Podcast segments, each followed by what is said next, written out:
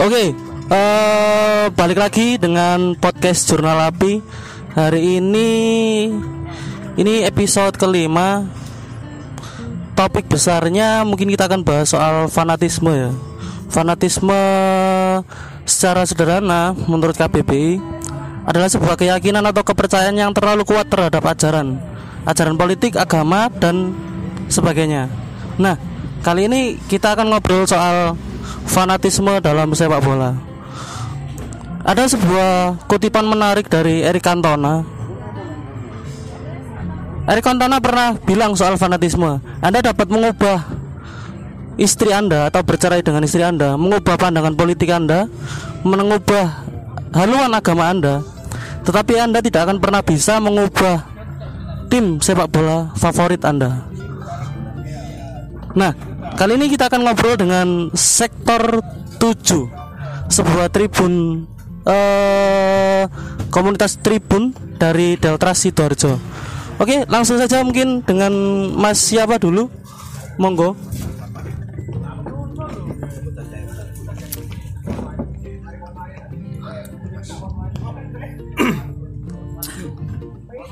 Ya kurang ide mas yo. Nah, Kau. Monggo. Ya mungkin hari ini kita sedikit berbincang-bincang dengan Mas siapa Mas Mas Rizky Hah? selaku apa itu bang jurnal Iya, Api. iyalah anu lah sing apa ya is teko kono lah. Ya wis, Mas. Heeh. Yen apa iku saya sendiri dengan nek arek-arek nyeluk aku iki ebes mas Iya. Heeh. Yo hanya sekedar apa iki panggilan Heeh. ya mungkin hanya apa sing tak jelaskan na- nama ya mungkin itu saja. Heeh. Yo nek kepingin ketemu yo gak popo Hmm. ketemu. Engko tak kei kontak ku dhewe wis gak masalah. Yo terus kira-kira iki piye pertanyaan nih Mas? Ah, lanjut lanjut. Mas Ebe sendiri eh, dari sektor 7 ini eh, apa ya? Maksudnya sebagai bapak ya arek apa gimana gitu? Seperti sebutannya. Ah, kalau dibilang ayah sih bukan Mm-mm. Mbak Ebe sendiri dulu ceritanya saya ma- memanggil kawan-kawan ini kayak apa iki sebutan best best gitu loh mas Oh, Nah, karena seringnya saya Ah. bilang begitu ah, kawan-kawan menjuluki saya Hmm. dengan panggilan ebes seperti Oke. itu Menarik, menarik, menarik, menarik, menarik. Oke. Aku nyeluwe Ebe saya berarti ya. Bes. Oke, siap, masalah. siap, siap, siap. sak senengi sampean Nah, kita akan ngobrol dengan Ebes dari sektor 7 nanti nggak cuma Ebes saja nanti ada beberapa teman dari sektor 7 yang ikut ngobrol. Jadi lumayan banyak yang ikut nimbrung nanti. Mungkin ini bisa jadi episode terpanjang dari jurnal api yang biasanya cuma sekitar 30 menit. Oke. Tadi udah dibuka soal fanatisme menurut Eric Cantona. Gimana menurut sampean Eh, apa yang diobrolkan sama Eric Cantona lagi menarik gak? Maksudnya anda bisa ngubah pasangan anda pandangan politik agama pun bisa berubah. Tapi soal agama eh, soal klub sepak bola ini sulit kayaknya. Gimana menurut EP sendiri dari sektor 7 Ap- setelah apa itu melihat atau membaca tentang kutipan yang disampaikan Eric Cantona ya mungkin bagus. Bisa dibilang seperti itu sih mas.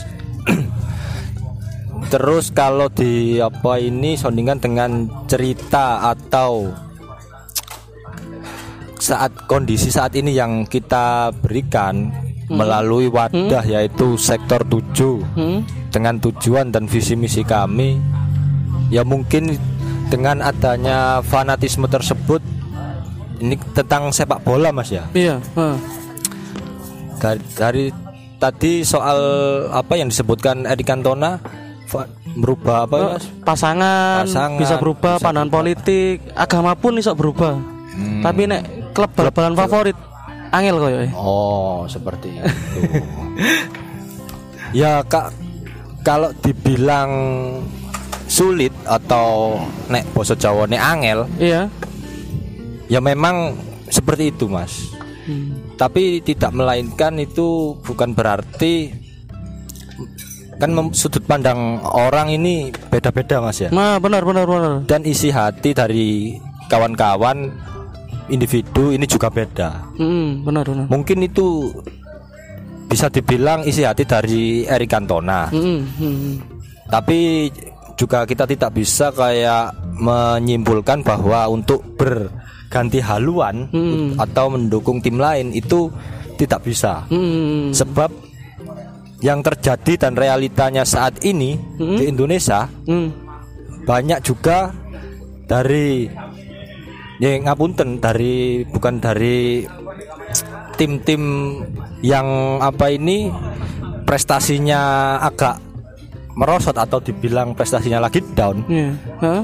dan dukungan pun dialihkan kepada tim-tim PSG yang Pati pasti. le iki. nyebut merek Mas iki gak enak eh. Kayak pindah nang ngene tim-tim soge koyo. ya mungkin dibilang salah satunya juga bisa ya mungkin bisa seperti itu Cuma- Ah. cuma realitanya kan em- memang seperti itu mas Iya. realita ah. memang seperti itu apalagi atau dalam hal ini dalam hal apa ini merubahnya haluan dari Hmm? ap- dukungan tim awal ke tim yang lain ada sudut pandang dari segi politik Oke.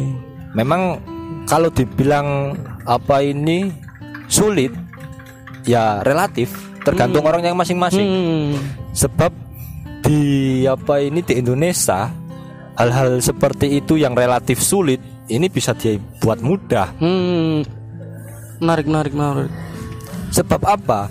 Banyak dari tim-tim sekarang bermunculan yang tiba-tiba menjadi wow Iya. tanpa sejarah dari awal dari bawah mereka langsung naik ke atas. Nah, Kan seperti itu, Mas. Iya, iya. Banyak sih. Ya mungkin kalau disebutkan satu persatu kita akan menyinggung mereka. iya iya iya. Dan hari ini mungkin coba kita ulas di situ Mas ya soal pergantian Hmm. dukungan tersebut. ya, faktor politik memang sangat berpengaruh di samping mereka mencari dukungan, mencari masa, mencari suara. Hmm. Di samping itu mereka mempunyai apa ini namanya dana yang begitu besar Hmm. yang bergelontor kepada tim tersebut Hmm. dan menjadikan tim tersebut bisa besar. Hmm, benar benar benar. Jadi apa ya? eh, istilahnya mungkin kan seperti ini. ya, eh, Eric Cantona bisa bilang seperti itu karena mungkin kultur sepak bola di Inggris seperti itu ya. Nah, Ketika dibawa ke kultur negara miskin kayak Indonesia ini kan bisa beda lagi ya. Beda- bisa beda lagi konteksnya ya. Mungkin kayak gitu sih. ya kalau dibilang Indonesia miskin, ini mungkin kita nggak bisa ngopi bersama di sini. Wah, iya. menarik ini. iya. Indonesia ini sangat-sangat kaya mas menurut saya. Hmm. Sampai delok teh iki oleh tekon di wong-wong teh iki nek gak teko perkebunan teh. Masuk masuk masuk Masuk kan? Hmm. Masuk.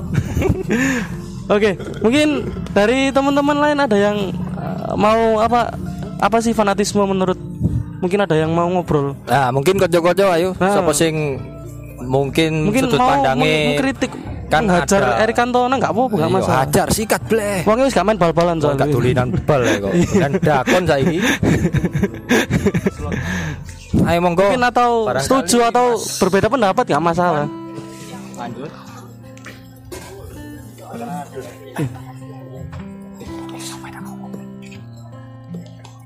Ya, silakan Ini monggo. saya mungkin memperkenalkan diri saya sendiri yaitu Ivan dari mungkin divisi medianya sektor 7 Waduh, masuk iki. untuk apa kutipan dari Eric Cantona tadi Mas ya. Kalau mungkin ya seperti mungkin apa yang dikatakan Ebes atau Mas Panji sendiri Iya. mungkin itu kan mungkin ya individu Hmm. nggak bisa orang mungkin berganti istri berganti agama mungkin sepak bola juga mungkin ya setara dengan agama atau mungkin setara dengan Hmm, di lain tempat seperti itu. Iya, kan? di lain tempat seperti itu. Mungkin kalau mungkin pandangan dari Erik Cantona sendiri mungkin seperti itu. Jadi kalau menurut saya sendiri kalau agama terus istri Hmm. terus itu mungkin ya kalau nggak ada apa ya gesekan mungkin Hmm. istri untuk apa masalah perceraian Hmm. atau itu mungkin nggak bisa pas berganti gitu. Hmm. Jadi mungkin saya mengibaratkan seperti klub istri Hmm. terus agama itu ya ya mungkin sama-sama sama-sama mungkin istri juga belahan hatinya mungkin Hmm. sama seperti supporter sendiri belahan iya. hatinya mungkin ada sempat baca buku tentang Hmm. tentang mungkin lupa judulnya Nggak saya mencintai Isinya, Mas. saya mencintai sepak bola seperti mencintai wanita saya, Oh. sejajar seperti oh. itu mungkin Iya. Jadi mungkin kalau dikatakan Erik Cantona mungkin lebih apa keras gitu, Hmm. lebih itu lebih keras. Kalau mungkin sudut pandang saya sendiri seperti itu mungkin. Ah. Mungkin bisa dilanjutkan untuk Iya. teman-teman lain. teman-teman lain. Jadi pendapat Erik Cantona ini menariknya itu karena di negara-negara yang tradisi sepak bolanya kuat di Amerika Latin terutama di Brasil kemudian di Argentina di Argentina pun itu ada yang namanya agama Maradona kalau teman-teman pernah tahu. Agama agama Maradona. Maksudnya sepak bola digunakan sebagai agama kedua mereka ya agama Maradona. Ini kan iya menjadikan Maradona sebagai Mesia kan? Maksudnya di di di kultur yang berbeda itu sepak bola dimaknai sebegitu kuat fanatismenya seperti itu. Mungkin di konteks di sidoarjo atau di Indonesia secara luas mungkin bisa berbeda. Jadi pendapat teman-teman ini bisa jadi apa ya nggak nggak melulu kita berkiblat terhadap apa-apa yang ada di Eropa seperti Eric Cantona di Maradona di Amerika Latin gitu. Kita punya kultur kita sendiri kayak gitu sih. Mungkin ada teman-teman yang lain monggo bisa ngobrol-ngobrol. Oh iya iya iya silakan silakan.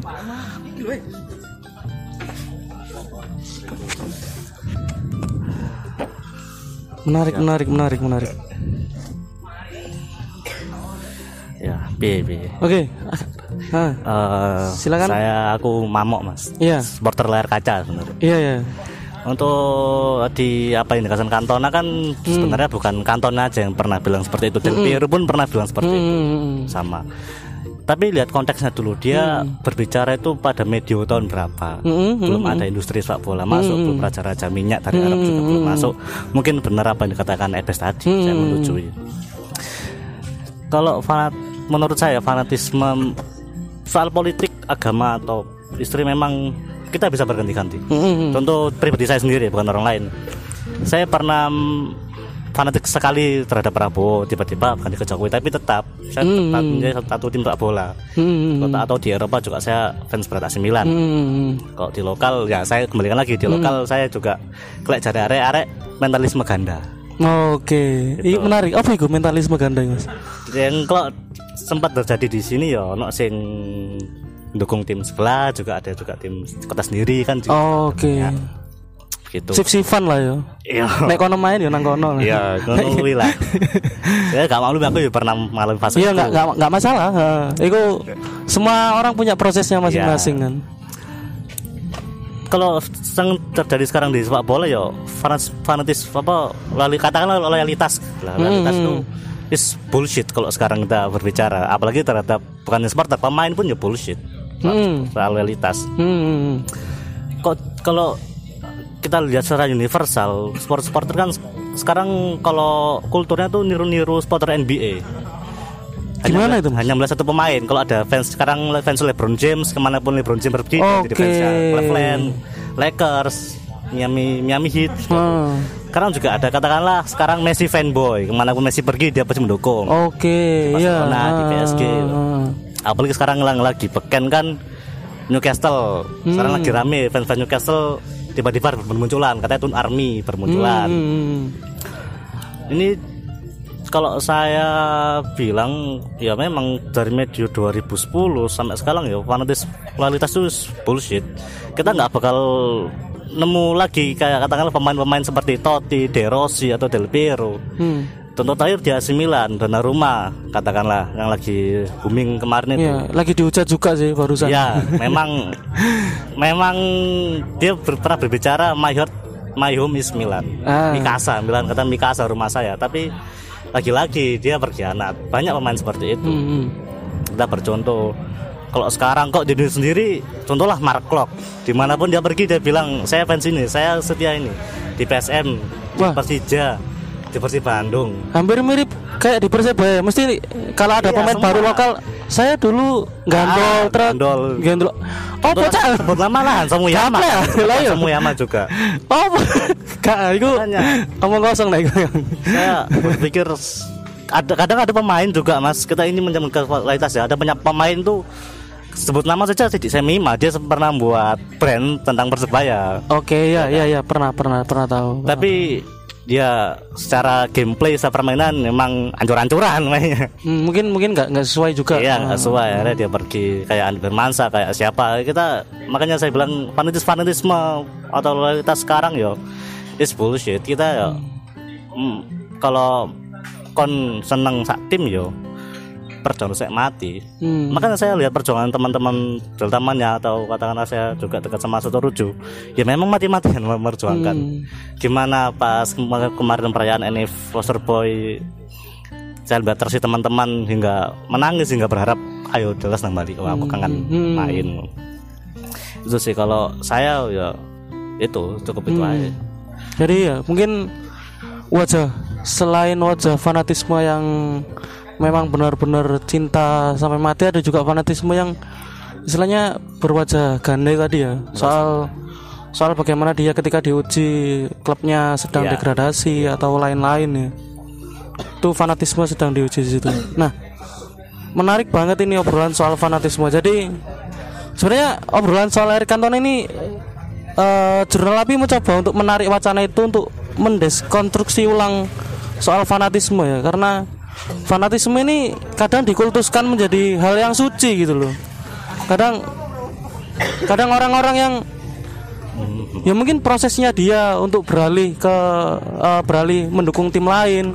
Itu mungkin proses dari dia gitu. Kita gak, gak bisa menyalahkan karena latar belakang dia itu berbeda dengan orang-orang yang lain gitu. Jadi di sini coba untuk mendekonstruksi ulang apa sih fanatisme itu? Kayak gitu sih tapi fanatisme yang tidak didasari dengan keyakinan itu ntar lahirnya fanatisme buta mas nah itu yang lebih bahaya sebenarnya Bahaya Itu sih. sama dengan hal yang hanya orang yang hanya membaca satu buku hmm, bahaya sekali iya nggak merasa sebagai malaikat kayaknya iya Oke, mungkin ada lagi teman-teman yang mau ngobrol-ngobrol, silakan.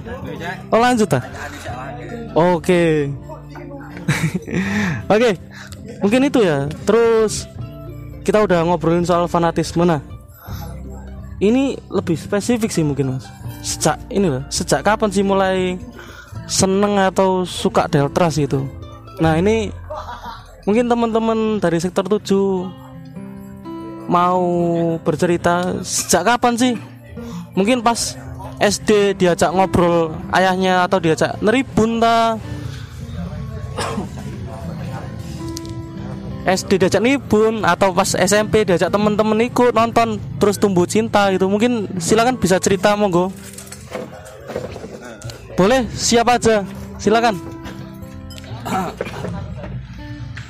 Cek. Halo oke oke oke dengan mas siapa Eh, Ibul Mas kalau Oke, panggilnya. iya. Mas Ipul. Monggo, Mas. Gimana Pakai? B, Mas. Ibul. Oh, Ibul. Oke. Iya. sorry, sorry, sorry, sorry. Eh, pertanyaannya tadi mulai kapan Iya, sejak kapan Sejak sih? kapan jatuh cinta ah, sama jatuh cinta Deltras, sama Mas, ya? Deltras. kalau dari saya sendiri pribadi Mas ya. Hmm. Saya jatuh cinta mulai mencintai tim sepak bola lokal kabupaten saya ini dari SD. Hmm. Saat itu memang saya juga dikenalkan dari bapak. Bapak Hmm. cerita bahwa di kota ini, kota Sidoarjo ini eh, ada beberapa tim. Hmm. Ada Delta Sidoarjo, Persida Sidoarjo, sama dulu itu Perkesa 78. Oh, baru tahu itu aku. Ya, itu katanya bapak kayak gitu. Lantas kalau kata bapak itu yang paling dikenal atau paling viral lah ibarat kalau sekarang itu di Sidoarjo itu Deltras. Hmm. Jadi mulai saat itu saya ibaratnya ngono si cilik apa sih sak jenis tim apa sih iki ngono lho. Hmm. Bertanya-tanya terus sama Ebes. Ebes kan kebetulan tetangga depan rumah saya pas. Oke. Ya. ah. Terus dulu waktu ada match itu saya pertama lupa saya lihat match lawan apa itu. Saya diajak sama Ebes. Kelas berapa atau kira-kira umur berapa itu, Mas? Sekitar kelas 4 kelas 5 SD lah. Kelas 4 5 SD udah Iya. neribun ya? Iya. Heeh. Diajak sama Ebes itu saya baru itu baru maksudnya ngerti oh kita tim sepak bola kabupaten Kusing paling dikenal uang Hmm. jadi mulai saat itu aku eh, jatuh cinta sama Delta hingga sekarang Hmm. kayak gitu Mas. Oke.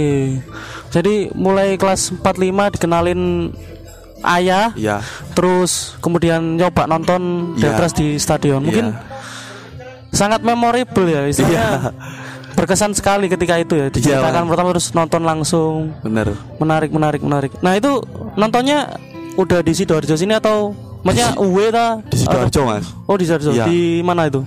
ya di Stadion Gelora Delta sini Oh, Gelora Delta ya, oke. kalau dulu kan kalau away kan pasti nggak dibolehin mas soalnya kan juga umur umur saya Iya. masih kecil gitu. takutnya orang tua nanti kalau ada apa-apa gitu Hmm. Itu masih divisi utama ya? Apa itu tahun sekitar tahun 2000 berapa 2009 2010 kalau nggak salah itu Iya, itu divisi utama kan? udah I- ISL udah ISL Udah ISL ya? Iya. Oh, udah ISL. ikut Jadi- ISL itu Awal-awal kan ISL awal-awal berarti ya? iya Hmm, gitu Menarik, menarik, menarik. Masih perlu cerita soal eh, pengalamannya jatuh cinta pada Deltras. Mungkin ada teman-teman yang lain yang mau cerita karena jatuh cinta itu kesannya beda ya. Jatuh cinta pertama kali itu pasti sangat berkesan gitu. Apalagi jatuh cinta pada seorang perempuan Waduh. kita itu ijek paling paham Waduh. Sudah teruji kok itu, Mas. baca dia Iya. ya ya aja Gimana? Monggo Mas. Dengan Mas siapa? Perkenalkan nama saya Mas Vicky. Vicky ya? Ya, Mas oh Vicky. iya, Vicky. Oke oke oke. Silakan Mas Vicky gimana? Sama sih Mas, sama-sama dikenalkan sama Bapak. Hmm? Saat itu juga SD. Hmm? Tapi waktu pertama kali lihat Deltras itu saat sekitar 2007. Saat itu Deltras uji coba lawan Persema. Oh ini bukan bukan laga resmi berarti ya? Masih uji, uji coba ya? Iya. Saat itu diajak sama teman-teman di rumah, ayo rek pedaan. Dulu Deltras di Ah. Gor. Hmm? Saat itu kan ya masih kecil ya, kurang tahu juga sih. Ah. Saat itu baru pertama juga. Terus diajak lihat, uji coba saat itu pertama kali lihat tuh ya langsung jatuh cinta gitu. Ah, Wow. langsung wah wah ya iki ya no, wah iki. Ya, mulai dari 2007 itu.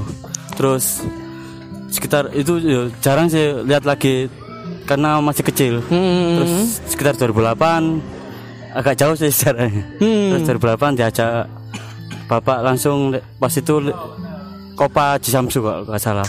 Oke, zaman Kopaci Samsu. Ah. Itu diajak sama bapak. Terus eh mulai 2009 tuh mulai lihat Mulai istilahnya rutin ya. rutin. Jadi mulai 2007 ada senggang setahun 2008 nonton Kopaci Samsu. Ya, kayaknya setahun setahun. Nah, 2009 Iku- mulai nonton ya, rutin. mulai ya? nonton sama teman-teman SD pas waktu pulang sekolah itu Oke. Itu udah beli tiket atau masih gandol istilahnya nek nang kalau di Tambah Sari kan gandol ya. Ikut orang gandol Kalau atau itu- udah beli tiket tuh. beli tiket cuman tiket? gandeng sama temen toh. Oh. Jadi satu tiket buat dua orang Hmm. karena kan waktu SD juga sih Hmm. Nah, pas itu siapa pemainnya, Mas? Maksudnya yang paling berkesan menurut sampean? saat Satu, oh, satu nama siapa ketika itu? saat 2009 lah katakanlah. 2009 saat itu mungkin yang saya tahu Setio Usodo striker. Hmm, yang menurut saya berkesan. Istilahnya kayak apa ya? Oh wong iki keren lah istilahnya Iya. ketika itu ya. Striker. Striker. Keren. Menarik menarik Iya. menarik. Jadi banyak sekali apa? Memori-memori yang apa istilahnya ya, melekat eh, Ya. ketika nonton dari awal. Eh, Mas Vicky ceritanya menarik banget. Nah, mungkin ada teman-teman lagi selain ini terus kita ngobrol ke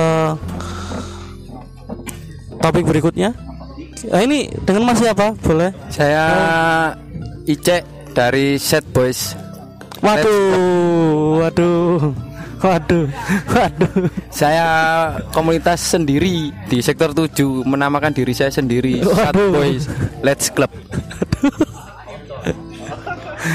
Tolong nanti kalau yang dengerin ini mulai mulai detik ini di skip ya. Silakan Mas Ijek gimana Mas Ijek? Kalau Pertama kali. pertama kali bisa cinta, bisa suka sama Deltras Hah? sekitar tahun 2006 diajak bapak sih juga. Diajak 2006. bapak diperkenalkan masuk ke stadion, Hmm? melihat kehebohan teman-teman supporter pada saat itu 2006 wajah wajah-wajah supporter masih dicat Waduh, merah putih iya. bawa trompet bawa spanduk Hmm. bawa syal Total ya. totalitasnya teman-teman Delta Mania 2006 itu sangat sangat bisa diacungi jempol ya Hmm. dengan pemain-pemain yang seperti itu tapi pas 2006 saya belum ngerti satu persatu pemainnya itu siapa soalnya kan 2006 kalau nggak salah itu saya SD kelas 6 iya sih ini nggak salah sih ya dan saya pertama kali masuk ke stadion itu 2006 kalau nggak salah lawan Persis Solo itu Deltras lawan Persis Solo Liga apa? Liga itu, Copa? Liga. Oh, Liga ya? Dan saya benar-benar merasakan kalau zaman sekarang sih kata-katanya euforia itu ya. Hmm. Atmos- atmosfer di dalam stadion itu benar-benar saya rasakan dan pada saat itulah saya mungkin menamakan Deltras itu cinta pertama saya. Waduh.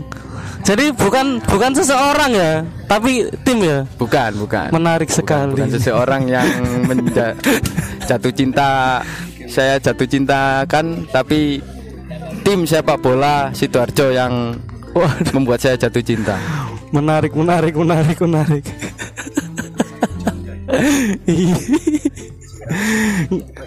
Enggak, istilahnya eh, apa ya? Eh, mungkin bukan bukan ke orangnya tapi ke timnya itu. Ini kan apa ya? Jatuh cinta yang paling mendalam ya. Ya kalau bisa dikatakan Iya. sih be- memang begitu. Soalnya kan dari kata-kata saya Sad Boys Sad Boys Let Club, Pak. Hmm? Wanita bisa merusak hati saya tapi Deltras tidak pernah bisa Waduh, merusak. waduh, waduh, waduh, waduh, waduh. Meskipun keadaan beberapa tahun yang lalu simpang siur dan penuh dengan cobaan, tetap Deltras adalah kebanggaan. Tetap sayang ya istilahnya. Meskipun menyakiti kan Deltras tetap kamu banggakan. Nah, jadi menarik banget dari teman-teman tadi soal kap mulai kapan jatuh cinta, kemudian latar belakangnya juga masing-masing juga berbeda. Mulai nontonnya juga berbeda, fase-fasenya ada yang 2006, 2007, 2008, dan ada juga yang 2009 tadi. Jadi fase-fase itu mungkin apa ya kayak kayak proses kita apa ya sebagai supporter lah ya maksudnya sebelum kita tahu dunia supporter itu kan dikenalkan dulu. Ya benar. seperti apa? Mungkin kan dulu ya nonton sekedar nonton kan. Mungkin Ah. kita nonton tumbuh cinta baru itu oh supporter itu kayak gini. Ya benar. kayak gitu sih. Nah mungkin lanjut ini masih cek Eh, gimana kabar tim yang dicintainya? Kan kalau nggak salah baca beberapa media beberapa hari atau minggu yang lalu itu Deltras kayaknya itu dapat dapat apa investor baru gitu kabarnya gimana untuk sekarang ini Mungkin ada teman-teman aja yang menjawab, Mas. Oke, silakan monggo. Mungkin mau berbagi cerita kan teman-teman di luar sana mungkin tertarik dengan Deltras. Karena rencananya selain dijadikan podcast, wawancara ini nanti jadikan zin. Zin ini nanti ku kirim ke teman-teman di Kudus, supporter Macan Muria.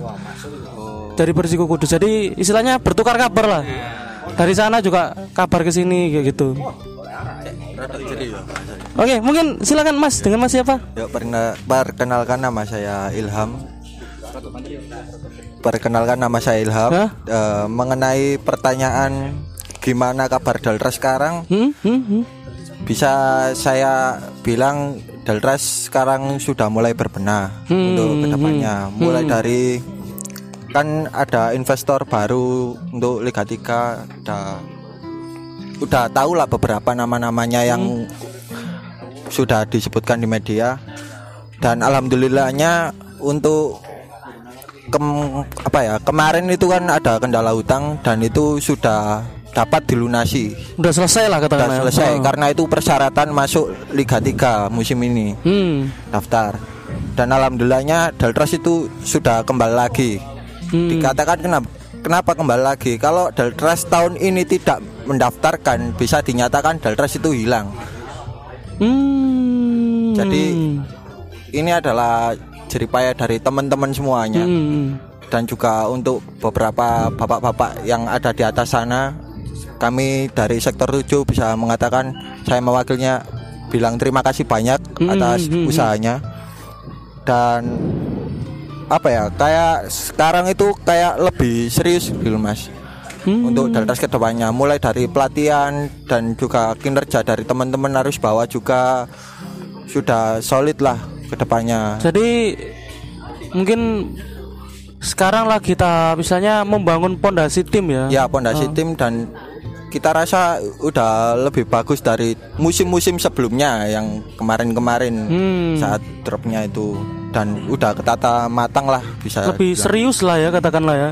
ya lebih serius untuk musim-musim ini Insya Allah lah kalau bisa harapannya teman-teman ya bisa naik kasta lah tahun-tahun ini atau dua tahun ke depannya Iya ya. Mungkin mungkin kan eh, apa ya? Karena kerinduan yang mendalam juga ya kan. ya. kerinduan juga teman-teman udah berapa tahun belum pernah kembali lagi ke titik Memang sejak kapan mas? Saya saya sendiri kurang tahu soalnya. 2009 Dari mana? Sekitar Seingat saya Heeh. Deltra sendiri berlaga di kasta tertinggi Liga Indonesia pada saat itu ISL yang terakhir itu ya. ISL itu tahun 2012. Mm-mm. 2012 itu masih main di ISL dan setelah tahun-tahun itu kita turun ke divisi utama sampai ke Liga 3. sempat mampir ke LPI nggak waktu itu? Pak Nggak sampai ya? Dua hari mampir. Nah, pada saat dualisme kita nggak pernah ikut mampir-mampir ke LPI ataupun apa karena mungkin ya kedalaman manajemen saya belum tahu pada saat itu. Itu bukan ranah saya kalau hmm. LPI LPI tapi Nggak maksudnya sempat sempat sempat maksudnya eh, ke kan ketika itu kan pecah tuh. Maksudnya Ya. sempat ikut itu enggak ya? Langsung berarti ya. Seingat saya kan sebelum sepak bola Indonesia dibekukan oleh FIFA itu kan ada dualisme kompetisi Hmm. ISL dan IPL. Deltras itu nggak ikut IPL. Hmm. Mungkin ya ada be- beberapa faktor yang Ya itu mungkin faktor X lah ya. ya, Nah. tidak dilirik oleh Ah. investor di IPL. Akhirnya Deltras tetap ikut ISL. Hmm. Setelah itu tahun berikutnya terakhir di SL 2012 tahun berikutnya itu turun ke divisi utama setelah divisi utama kan sepak bola itu vakum vakum selama 2 tahun Iya. Pad- ah. pada saat setelah 2013 turun ke divisi utama seingat saya itu turun lagi ke Liga Nusantara Ah, pas Hmm, hmm, hmm. pas li- ikut Liga Nusantara itu sepak bola Indonesia dibekukan Hmm, hmm, hmm. kembali lagi aktif 2016 dan 2016 itu pun belum liga itu belum resmi setahu saya Hmm. Si- masih menggunakan nama Indonesia Soccer Championship Hmm. dan Deltras Masih sistem kompetisi kan, bukan Ya. eh apa? Liga kayak tapi, ah, nah, liga tapi nggak resmi itu.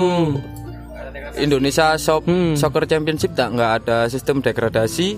Deltras ikut ISC C kalau nggak salah. Iya ISCC tahun 2016 itu baru Hmm. baru aktif kembali. Dan sampai saat ini sampai tahun 2021 ini Deltras masih tetap berada di kasta terbawah. Kalau zaman dulunya bilang Liga Nusantara, kalau sekarang kan Liga 3. Hmm. Dan mungkin dengan datangnya investor baru ini siapa sih supporter yang nggak berharap dengan kebangkitan timnya kembali ke jalurnya yang Iya, terbaik? ah, benar sih, benar benar benar ya benar. kita nggak harapanku sih nggak terlalu banyak Deltras kembali ikut berlaga untuk tahun ini sih alhamdulillah buat saya Hmm. Istilahnya mengobati kerinduan dulu lah ya. mengobati kerinduan dan dengan adanya investor baru ini kan mungkin nggak nggak secara instan nggak seperti tim-tim yang dibeli oleh artis itu mungkin ya Waduh. dan semua semua semua itu kan butuh proses dan mungkin bisa berproses untuk saat ini dengan kesiapan manajemen yang sekarang bisa dikatakan harapan kita sih padang padang jinglang Nah, oke oke oke. Jadi istilahnya apa ya? Me- memantik semangat baru ya dari teman-teman supporter Ya. sendiri. Me- saya pertama kali mendengar adanya investor baru ini langsung wih klubku balik re klubku klubku urip maneh sempet berbes mili nangis klub iki gak ono kabar kan di di rules di aturan Liga 3 ada yang namanya tim yang menanggung hutang tidak tidak boleh mengikuti kompetisi. Iku sing membuat anak arek-arek ketir-ketir soalnya kan soalnya kan Deltras ini menanggung hutang pemain asing sejak 2012 itu. Hmm. Dan untungnya investor yang sekarang ini berhasil bisa dikatakan berhasil melunasi hutang Hmm. dan semoga dengan Deltras terlahir kembali seperti bayi yang tanpa dosa Hmm. bisa mengarungi kompetisi dengan sangat-sangat semangat Hmm. untuk bisa dijadikan kebanggaan oleh arek-arek Delta Mania Iya. dan sektor 7 tentunya. Istilahnya eh, wis tanpa dosa masa lalu lah ya, selesai lah. Terus jadi istilahnya jadi tim yang benar-benar semangat baru Nah, bener. Dengan iya harapan baru, wajah-wajah baru juga. Ya, wajah-wajah Gitu. baru. Soalnya ya mungkin untuk kompetisi ini Deltras ada bertanding sudah alhamdulillah mungkin kalau tahun ini bisa naik kasta itu bonus dari doa teman-teman yang selama ini Hmm. berharap banget dengan kembalinya Deltras ke jalur yang sebenarnya. Hmm, iya sih. Saya pernah merasakan itu ketika nonton final Persebaya di Bandung itu nangis sih rasanya. Ya Allah ternyata isok naik ya, ya Maksudnya, ternyata bisa naik ke Liga 1 ini. Iya. Mirip sih seperti itu kayak gitu. Nah, setelah ngobrol-ngobrol soal Deltras dan fanatisme, mungkin teman-teman penasaran juga sih sektor 7 nah ini kira-kira kapan mulai istilahnya ada inisiatif untuk bikin atau mencetuskan untuk sektor 7 ini kira-kira kapan mas?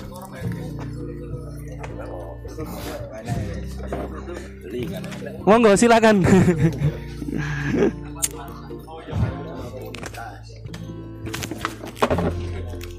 Piye piye, Mas pertanyaan. Eh, kan tadi udah ngobrol soal fanatisme, terus Deltras kabar terakhir juga. Nah ini kira-kira sejak kapan sih untuk sektor 7 sendiri katakanlah eksis atau mulai dibentuk sama teman-teman? Mulai eksis dibentuk teman-teman. Hmm? Untuk pertanyaan ini agak canggung sih kalau jawabnya Mas. Sebab apa? Dari dulu Hmm? saat Deltras berlaga, Hmm? Sektor 7 sudah ada sejak saat itu. Hmm. Dan dengan apa ini antusias, terus euforia, terus atraktif, sektor 7 bisa apa ini sangat-sangat dibilang meriah lah Hmm. dengan euforia pada kala itu. Iya. Hmm. Ya mungkin kalau dibilang sektor 7 kapan atau apa ini ber- berdiri sejak kapan ya mungkin bisa dikaitkan dengan sejarah awal kita berlaga di Gelora Delta.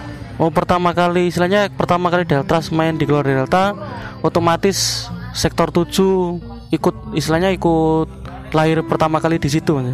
Ya memang seperti itu mas Hmm. Sebab untuk mengklaim bahwa pergerakan ini atau sektor 7 ini sejak kapan Kita nggak ada kayak gimana ya Bukan otoritas kita lah Hmm. Sebab dari dulu pendahulu kita Hmm. sudah ada dan menaungi Hmm. sektor 7 Hmm. Tapi segi berjalannya waktu, seiring berjalannya waktu di sidoarjo mungkin kalau masnya tahu, kalau masnya melihat, mengikuti Hmm. Gimana, perkembangan persupporteran yang yang ada di sidoarjo. Dalam garis besar Delta Mania yang saat ini bisa dibilang mungkin ada ya sekarang ini mas ya. Ada Delta Mania Tribun Selatan nah itu Oke. biasa di sektor 9 Hmm. dan ada Kurva Nord Hmm. di sektor 5 Hmm.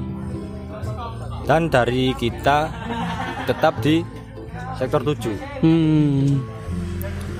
memang kalau dibilang gimana ya berpecahnya dukungan kita nggak bisa Hmm. sebab kita bertujuan sama Hmm. tujuan kita sama cuma hanya dikarenakan tribun kita yang beda Hmm. hanya itu saja karena kita di apa ini sejak awal atau sejak pertama kali melihat di sektor pit 7 Hmm. mungkin kawan-kawan Nyaman ya. ah bisa dibilang seperti itu Hmm, nyaman. Terus istilahnya nggak nggak pindah ke tribun lain katakanlah gitu ya. Bisa dibilang seperti itu dan di- ditambah lagi mungkin ada hal-hal yang terlihat beda dari dunia persupporteran sejak era digitalisasi ini mulai masuk ke Indonesia Bedanya gimana tuh Mas? yang dulu ini hanya sekedar ya mungkin soal atribut Hmm, hmm. kalau dibilang di negara kita ini Indonesia ini dulu murni kita beratribut semua sal terus Hmm. kaos Iya. topi Beberapa ya potret-potret supporter masa Supporter- lalu itu. Nah, ah. seperti itu yang seperti itu. old school Hmm. school lah lek jare bocah kai cuma dari apa ini masuknya era digitalisasi dan akses sepak bola Eropa atau di luar sana inter, apa supporter internasional dari kita masyarakat Indonesia atau persupporter Indonesia ini bisa mengakses ke sana. Hmm. Nah, dengan adanya itu ya mungkin kawan-kawan ini dengan piye ya ngomong melihat terus gaya duku, melihat gaya dukungan mereka antusias mereka euforia mereka lah ini akan piye carane iki iso diterapno nang Indonesia Oke. seperti itu Hmm. dan mungkin masnya ya bukan awam lah kalau Hmm. bilang itu pasti sudah tahu kan hal-hal seperti itu Mas. Hmm. Dan banyak terjadi kayak perbedaan-perbedaan seperti itu cara dukung Hmm. terus style chain.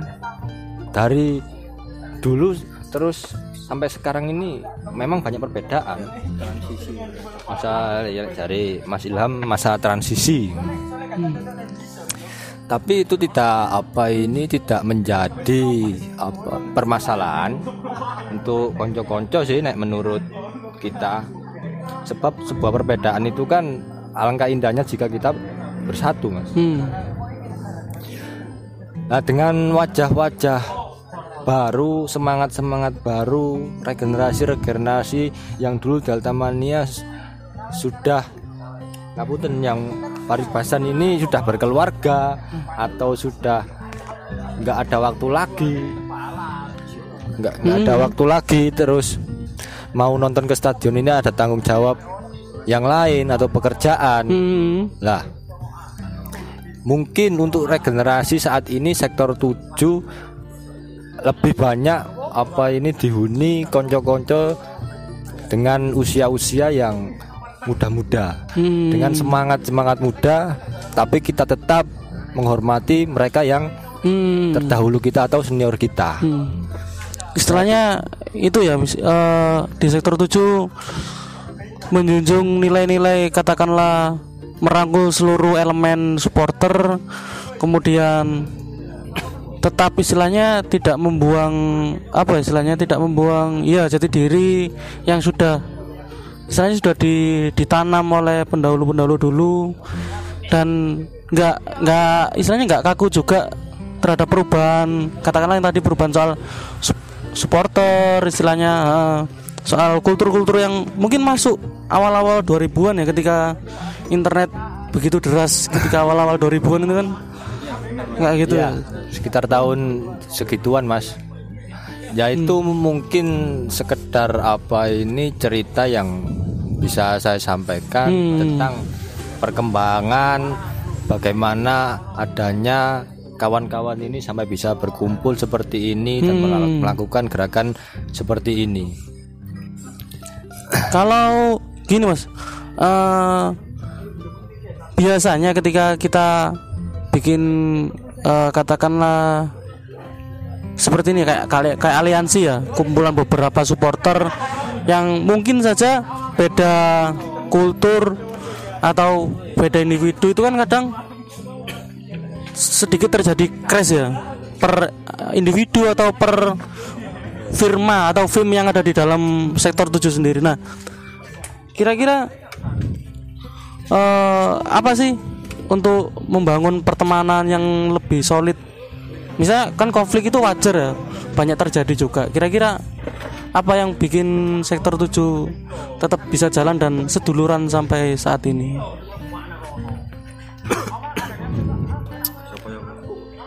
ibaratnya seperti ini mas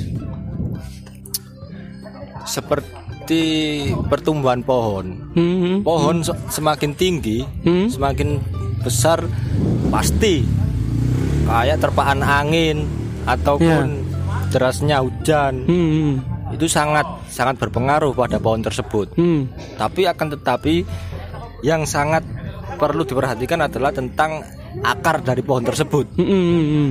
Nah, begitupun juga kami.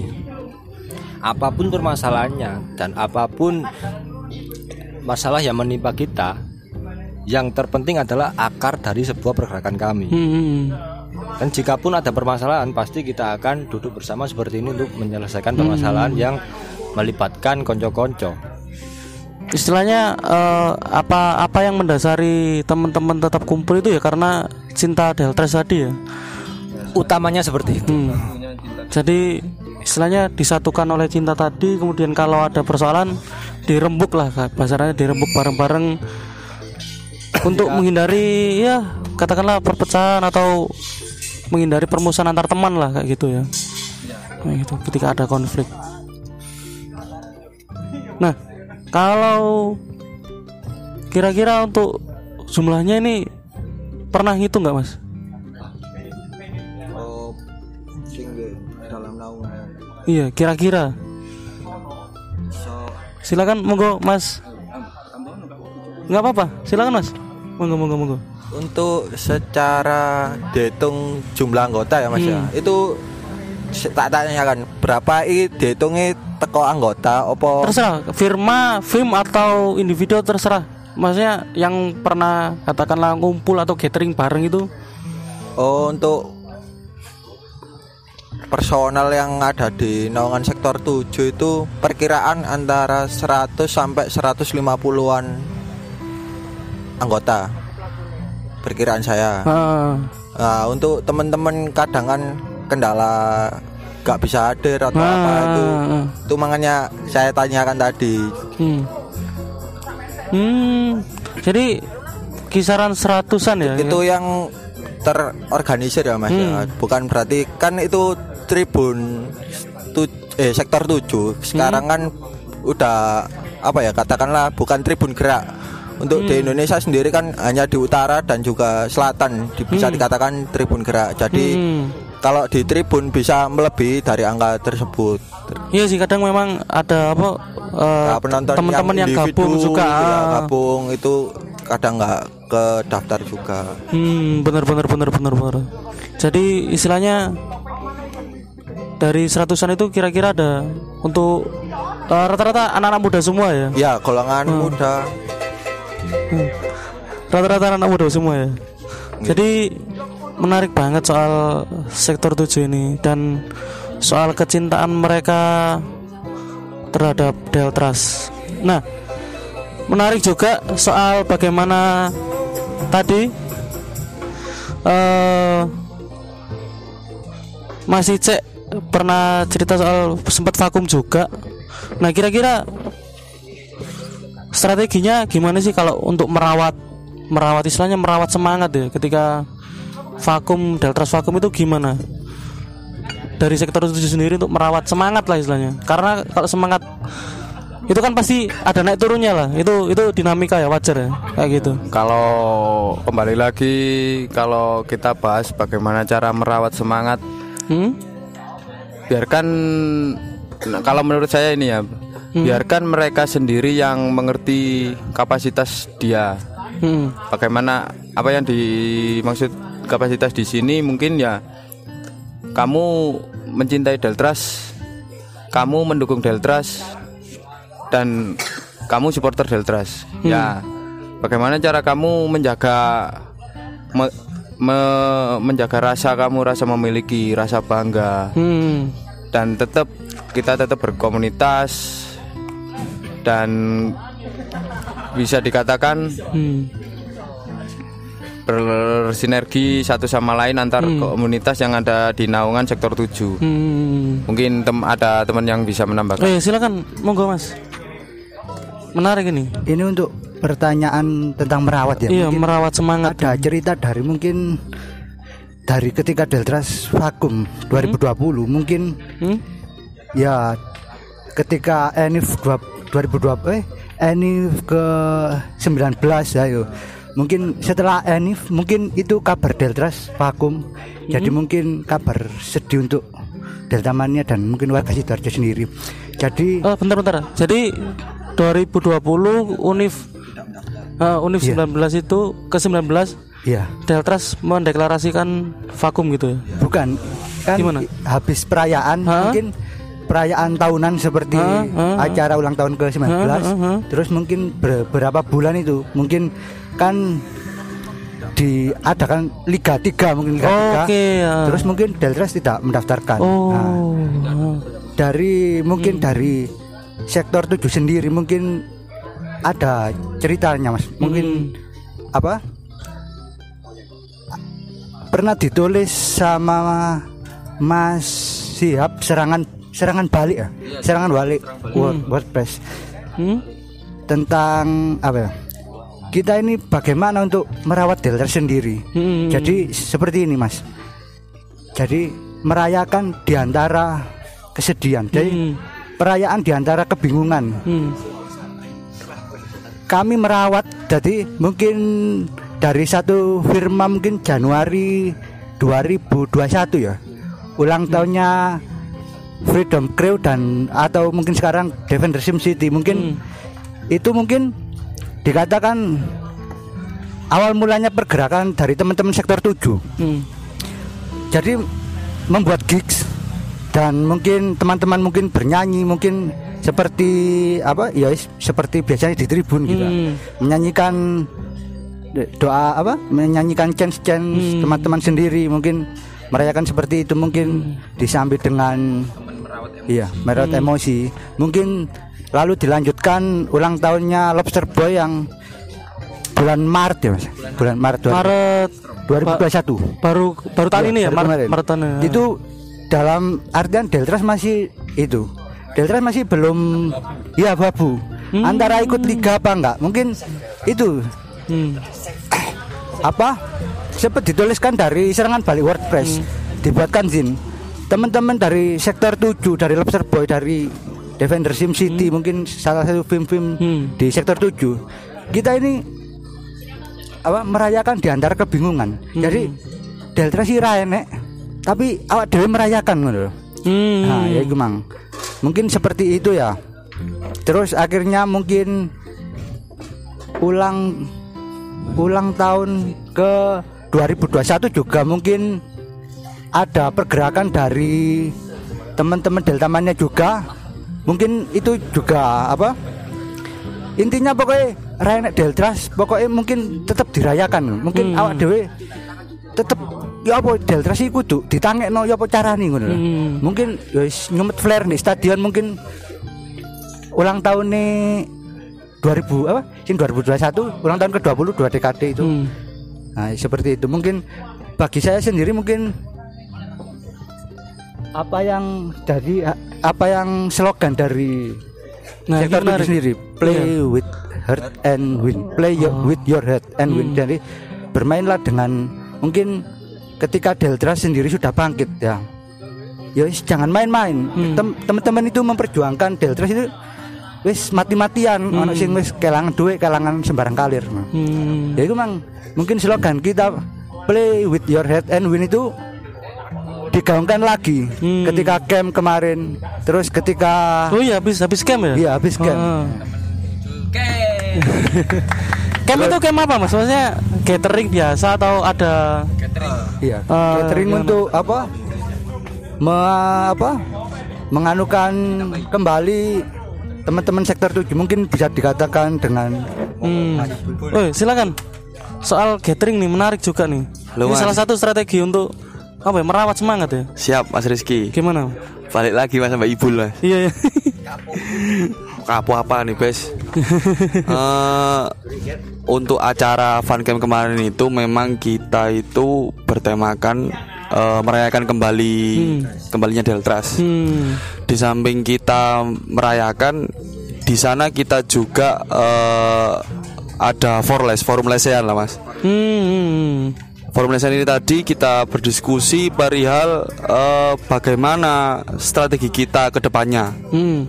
Maksudnya sektor 7 ini gitu. Hmm. Mau ngapain lah ya? Ya, pergerakan kita gimana, terus juga eh, membahas tentang apa ya? Seperti per- perbedaan culture, Hmm. terus perbedaan fashion ketika mendukung kayak gitu. Hmm. Jadi di samping kita merayakan, kita juga ya itu tadi berdiskusi soal ke depannya sektor 7 ini kayak gimana pergerakannya. Hmm. Seperti kemarin eh, sektor 7 ini sebenarnya itu bukan hanya milik satu atau dua komunitas saja. Nah itu kadang kan eh, anu ya apa? Ini ini mungkin soal pengalaman ya di beberapa kultur supporter mungkin di kota-kota lain itu kan ketika ada satu salah satu firma yang besar itu merasa paling ah, kayak Iya, Mas. gitu sih mungkin mungkin kayak gitu Ya sempat memang dulu itu juga ada Mas apa namanya omongan-omongan seperti itu Hmm. bahwa sektor 7 ki mek nggone nah adalah itulah komunitas, ah, ah, ah, gitu. itulah ah, ah. Terus mari ngono ya kita ketika kita fun camp kemarin itu ya kita bahas bahwa sektor 7 ini bukan hanya milik satu atau dua komunitas saja. Hmm. Sektor 7 ini milik kita semua. Hmm. Siapa pun yang mau merawat sektor 7 ya itu Hmm. gitu Mas. Terus juga masalah perihal culture Mas. Kan juga sekarang kan banyak eh, culture hooligan seperti di England, Hmm. ultra seperti di Itali ataupun mania seperti di Indonesia sendiri. Hmm. Kalau di sektor 7 Mas. eh, kalau saya pribadi itu tak permasalahkan Hmm. perkara culture itu tadi sih. Walaupun kalian eh, macak koyo hooligan seperti di England, casual seperti di England, terus ultra seperti di Itali, terus mania di Indonesia itu nggak masalah. Itu sudah apa namanya ikuti kata hati kalian sendiri masing-masing. Soalnya di balik perbedaan culture kita di stadion ada satu yang sama mas tujuan kita. Hmm, Tujuan kita gimana, buat mendukung Delta Sidoarjo itu tadi. Hmm. betul betul betul, Kayak betul. gitu mas. Iya sih, kan eh ini juga beberapa cerita soal terkait di supporter-supporter di beberapa tempat itu kan memang ada stigma miring soal supporter-supporter arus bawah dan stigma miring itu berasal dari supporter-supporter yang dalam tanda kutip mereka lebih mapan secara ekonomi ya kan Ya. ada ada ada ada ada ada persepsi kayak gitu Ya. jadi mungkin kalau di sektor 7 itu berusaha dikikis dengan diskusi atau ngobrol tadi ya untuk istilahnya menghilangkan sekat atau Ya. batas ya gitu ya eh, bahasanya tuh kita nggak nggak ada sekat lah di sektor 7 Hmm. Sektor 7 ini milik kita semuanya. Hmm. Siapa yang mau merawat, ayo kita bareng-bareng merawat apa yang sudah dibangun oleh para pendahulu-pendahulu, mas-mas, pakde-pakde yang dulu Hmm. iya iya benar benar yang benar udah bangun sektor 7 benar benar benar gitu kan. menarik banget nih. Nah, dengan nilai-nilai yang coba dibawa sama sektor 7 ini pernah ada perbedaan pendapat atau perbedaan pandangan dari misalnya dari sektor lain, tribun lain atau saya berada di luar sektor 7 gitu. Maksudnya kan semangatnya kan istilahnya membangun untuk kebersamaan dengan merangkul komunitas yang berbeda-beda kulturnya. Nah, ini dengan nilai-nilai yang coba dibawa sama sektor 7 kira-kira ada pernah beda pendapat gak di luar sektor itu maksudnya? Kalau masalah itu kemungkinan pernah ada sih mas, Nah. cuman ya juga kita udah seenggaknya kita sudah berusaha lah ya. Nah. Artian biar nggak ada crash satu Hmm. sama lain. Soalnya baik bahkan nih kita ke sektor mana pun Hmm. dan bagaimanapun cara ekspres mengekspresikan dukunganmu, Hmm. kita itu bahwasanya kita itu satu tujuan gitu loh. Hmm. Jadi kita yo pernah sih mas kalau masalah itu cuman kita ya tetap berusaha untuk inilah biar nggak ada selek atau crash kayak gitu. Iya. Chaos atau satu sama lain kayak gitu mas. Jadi kan eh, apa ya? Menariknya dunia supporter ini kan dinamikanya meskipun sama-sama cinta kan kadang bentuk cinta bentuk mencintai yang berbeda gitu. Misalnya kayak saya katakanlah cinta dengan seseorang mungkin saya kan bawa bunga, tapi kalau masnya kan mungkin bawa makanan. Itu kan misalnya Iya. sama-sama cinta tapi beda beda beda, Beda, ya, beda cara kan cara. kayak gitu ya. Hmm. Ini menarik banget nih. Nah, untuk kira-kira ada nggak sih eh, hal yang menarik dari kultur sepak bola di sidoarjo terutama supporter yang mungkin berbeda dengan kota-kota yang lain? Ini kira-kira ada nggak sih mas? Maksudnya punya ciri khas atau punya sesuatu gitu yang oh mungkin di kota lain nggak ada atau mungkin di mana kayak gitu? mungkin ada yang yang mau cerita monggo silakan. Gak mungkin gini perkara Cen mas ya, perkara Cen. Yo pernah mas kan. Heeh.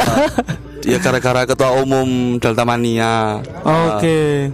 Ketika jalan di stadion ada segelintir kawan-kawan Delta Mania yang eh, ibaratnya ngono gudo loh mas gudo. Oke, oke. Dengan Cen teng teng teng teng Oh, teng iya, iya, teng iya. teng hu hancur. Kayak ngono mas.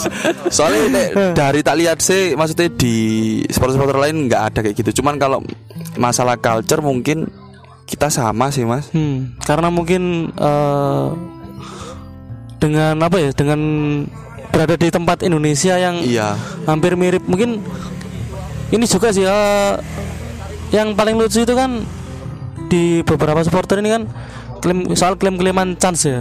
Iya. Kan padahal beberapa chance itu diambil katakanlah dari Amerika Latin lah, Iya. diambil dari Eropa gitu kan. Sebenarnya mereka itu seakan-akan berbeda tapi mereka sama ya, sama-sama ambil gitu loh Iya. sama-sama ambil jadi apa ya kadang perbedaan itu mereka nggak sadarin cuman ya mungkin karena apa ya saya Hmm? iya ya kayak gitu sih mungkin kayak gitu nah eh kalau bicara soal sepak bola menurut sektor 7 perkembangan atau pembinaan sepak bola usia muda di Sidoarjo gimana sih geliatnya itu? Apakah ada yang mau cerita? Monggo. Iya. Silakan monggo. Iya, mungkin monggo Mas bisa cerita. Karena ini menarik. Karena juga banyak pemain-pemain hebat yang lahir dari Sidoarjo. Nah, ini mungkin bisa tuker-tuker informasi juga. Monggo, mboten napa-napa. Dengan Mas siapa, Mas? Mas Sugi. Oke, monggo Mas Sugi. tertuju di juluki karo Santiago Mas. Karena titisan Santiago Munes Madrid asli Mas. Yang mengenai hal Soal pembibitan nih, Mas, pembinaan juga. pembinaan Menarik. usia dini di Sidoarjo. Menurut aku sih sangat-sangat membanggakan. Iya. Terlahir muncul pemain hebat kebanyakan dari Sidoarjo juga. Ah. Mungkin kalau di Jawa Timur mungkin Sidoarjo ini nomor dua. Hmm. Lah bahkan tiap tahun pun timnas pasti ada Sidoarjo-nya. Iya. Nah, kan wah, masih banyak lagi soal cerita usia dini di Sidoarjo juga tiap desa mempunyai SSB sendiri. Itu eh maksudnya SSB yang di desa atau SSB kayak eh swasta kalau, Jadi- kalau di luar itu kan ada SSB. Setahu SSB resmi ada. Iya. Nah, SSB tiap desa itu ada tim juga. Itu mengatasnamakan Sidoarjo Soccer. Ini itu kompetisi cuma nggak ada nggak resmi dari Oh. dari Askro Antar, antar kampung lah nah, gitu ya, cuma antar kampung. itu ada Nah, dari situ mulai eh, SSB yang resmi juga banyak Hmm. istilahnya Sidoarjo sangat potensial Hmm, mempunyai jadi- perkembangan sepak bola Istilahnya nggak nggak sekedar fun football ya, Mas. Maksudnya foto eh main sepak bola, foto seneng-seneng tapi ada pembibitannya ya. asli bibit ada dimulai dari desa terpencil pun sampai kota ada Hmm. Jadi kan kalau soal pembibitan ini kan eh, muaranya nanti kan ke tim lokal sama timnas ya. itu pastinya Hmm. Kan di beberapa tempat juga kadang pembibitan ini bergeser hanya sekedar senang-senang kayak fan football itu eh, bal-balan terus Hmm. Foto-foto ah, sewa lapangan bareng-bareng sekedar itu. Cuman ini lebih serius untuk kepembibitan di Sidoarjo sangat hidup sekali Sangat- eh, karena mereka juga tahu kal- kalau sepak bola juga menghasilkan istilahnya Mau oke Nah, ya. salah satu kalaupun nggak jadi pemain profes- profesional tiap pabrik ataupun perusahaan ataupun dinas-dinas tertentu pasti merekrutnya Menarik ini. Itu gimana Mas? Aku, aku baru tahu ini. Nah. Itu, itu gimana itu?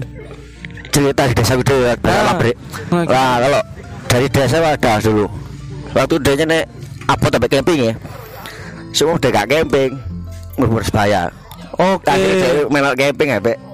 Bus apa akhirnya dicoret Oh. Lah akhirnya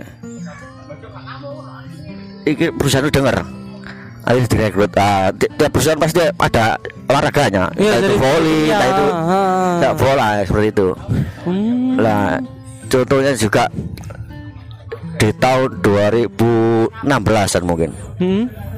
itu pemain Deltras Hmm. bener sih gaji sedikit waktu itu gaji sedikit Hmm. tapi kalau yang asli Sarjo dimasuk no di instalasi Sarjo Oh. Entah itu PMK oke. Ah.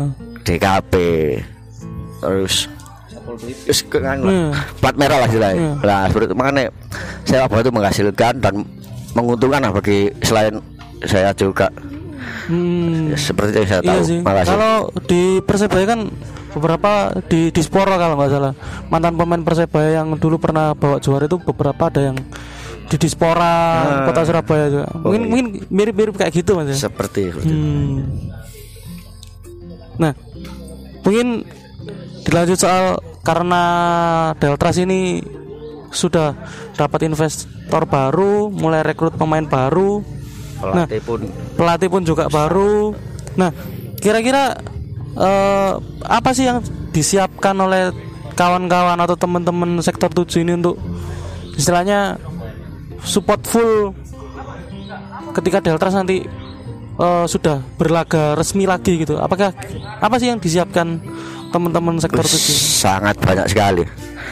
Termasuk dalam ini karena ada perlakuan tidak tidak boleh adanya supporter. Berarti tanpa supporter di dalam stadion. Hmm. melalui media kita sih ke kompak main media.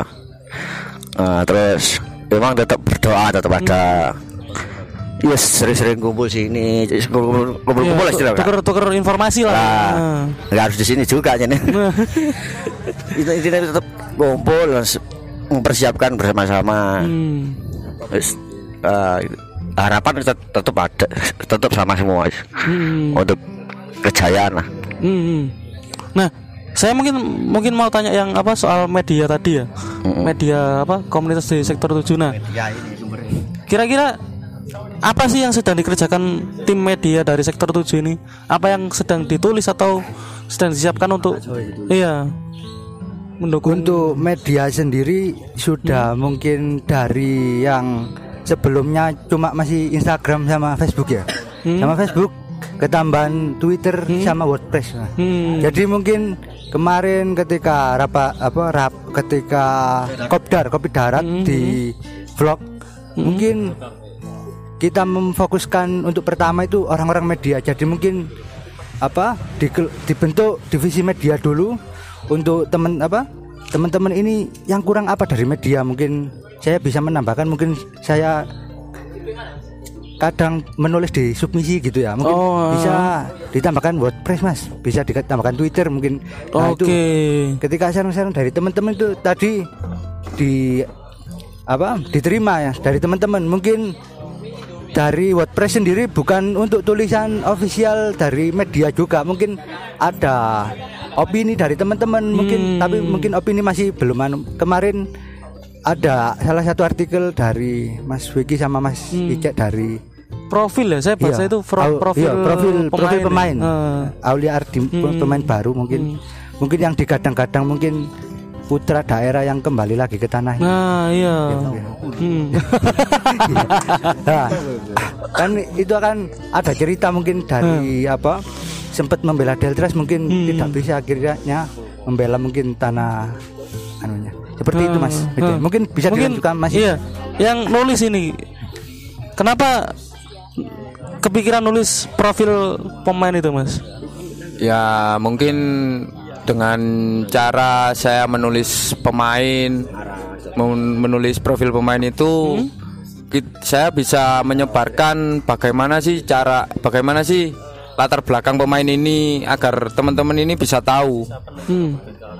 jenjang karir si pemain, terus prestasi-prestasi si pemain dan apa harapan pemain untuk supporter dan harapannya ah bukan harapan sih motivasinya pemain ini berseragam Deltras itu apa? Mungkin dalam dalam garis besar sih saya tarik saya ingin memberikan pengetahuan lebih ke teman-teman agar semangat teman-teman ini dengan membaca profil pemain ini bisa lebih semangat lagi dengan adanya media yang dibangun sama teman-teman sektor 7 mungkin ke depannya akan kita tulis pemain-pemain yang belum berprofil banyak. Mungkin kan Liga 3 ini kan diregulasikan dengan 20 pemain dengan usia 20 tahun dan 5 pemain senior. Hmm.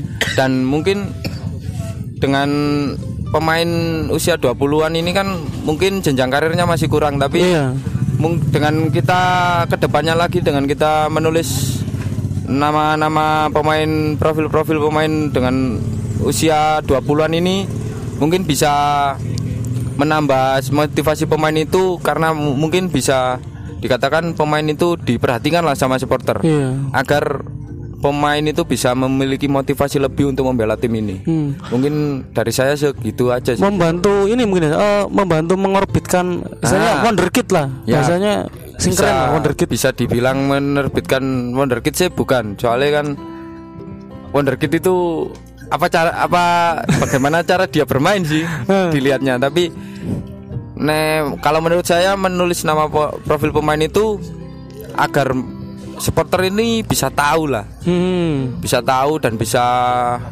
Hmm. mengerti latar belakang pemain itu Hmm. mungkin Mas Ivanda juga bisa menambahkan Hmm. Iya. Eh, karena gini persoalan tim-tim di Indonesia itu kadang kurang aware soal media ya. Jadi kalau beberapa baca media-media tim-tim jangan jauh-jauh di Eropa, tim-tim Malaysia seperti JDT, Johor Darul Taklim itu Takzim itu eh serius banget soal media ya. Mereka punya tim media yang benar-benar pro.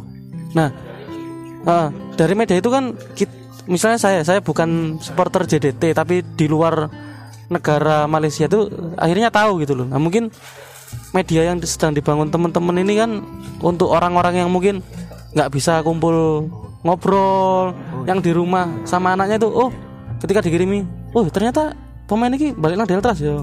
Maksudnya oh ya kayak gitu informasi-informasi kayak gitu. Pertanyaan. Nah mungkin kayak gitu ya mas. Hmm. Jadi mungkin untuk ya itu tadi tujuan media kan? Hmm. bagaimana kita untuk apa?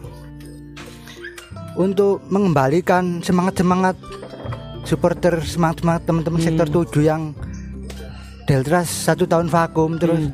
Mungkin kan ada yang mungkin pecah terus mungkin mengembalikan lagi seperti kita sendiri ngadain fun camp terus kita sendiri mungkin ada ketika apa bikin WordPress bikin Twitter mungkin ter bisa diterima oleh mungkin dari teman-teman Delta Mania Iya, yang karena mungkin secara luas ya mungkin secara ya. luas Hmm. ya juga bukan dilihat teman-teman sektor 7 sendiri kemarin Hmm, bener bener. dilihat teman-teman mungkin dari sektor 5 sektor 9 Iya, mungkin. mungkin juga dari sektor 7 tapi yang Iya.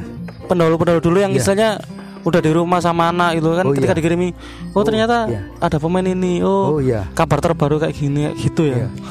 mungkin seperti itu jadi Hmm. kita memfasilitasi teman-teman sendiri untuk apa ya untuk ba- berbagai pengetahuan hmm. Deltras ini sekarang seperti ini, Deltras ini seperti ini. Jadi Hmm.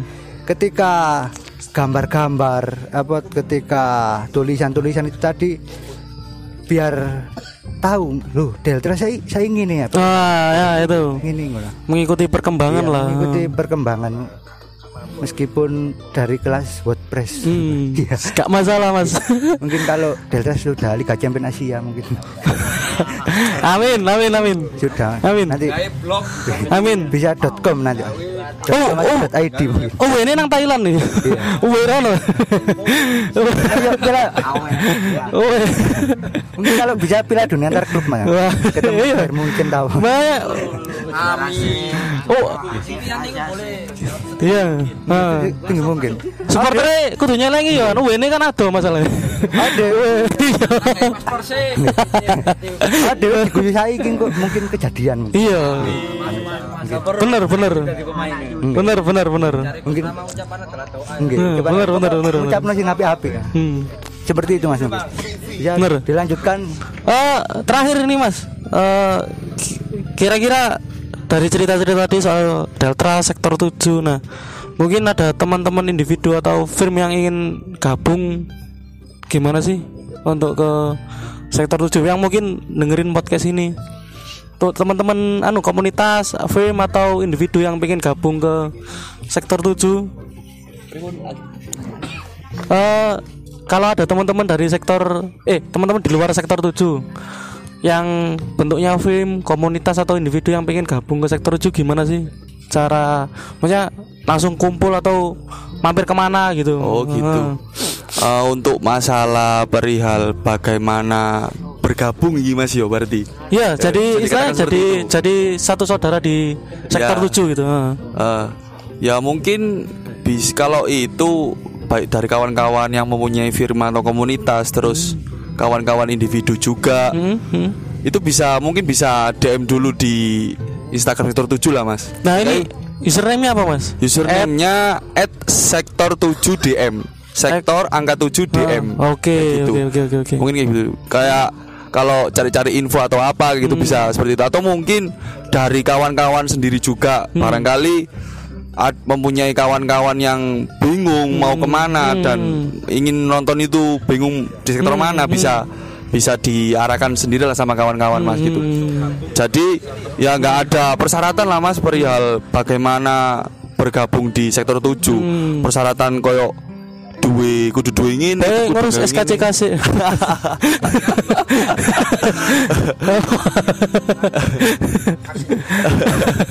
gak yo gak kudu vaksin ya Nah, ya, bae kan. Wis apa kudu duwe sertifikat vaksin.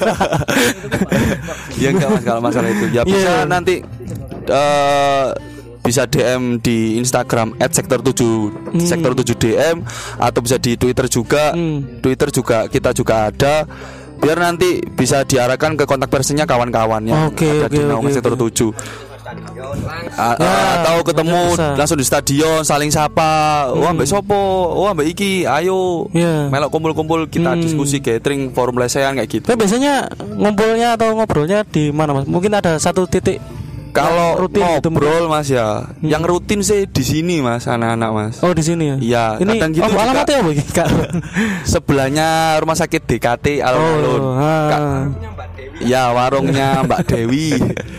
Nah, tapi ya kalau kadang anak-anak kalau apa namanya pengen suasana baru ya kita cari tempat yang Ah. lain dengan eh, kesepakatan satu forum lah. Hmm. Mintanya di mana kayak kemarin kan kita habis kopdar di Kavling DPR mas. Oh, ah, di saya vlog tahu kopi ya di Instagramnya. ya di vlog kopi itu Hmm. kita ya juga mas eh, pergerakan lah di situ Hmm. juga kayak gitu mas Oke oke oke oke oke. Mungkin sebelum ditutup ada pesan atau apalah dari teman-teman sektor 7 terserah. Ya untuk eh, supporter Deltras yang istilahnya sekarang mungkin belum tahu kalau Deltras dapat investor baru ya kabar terbaru.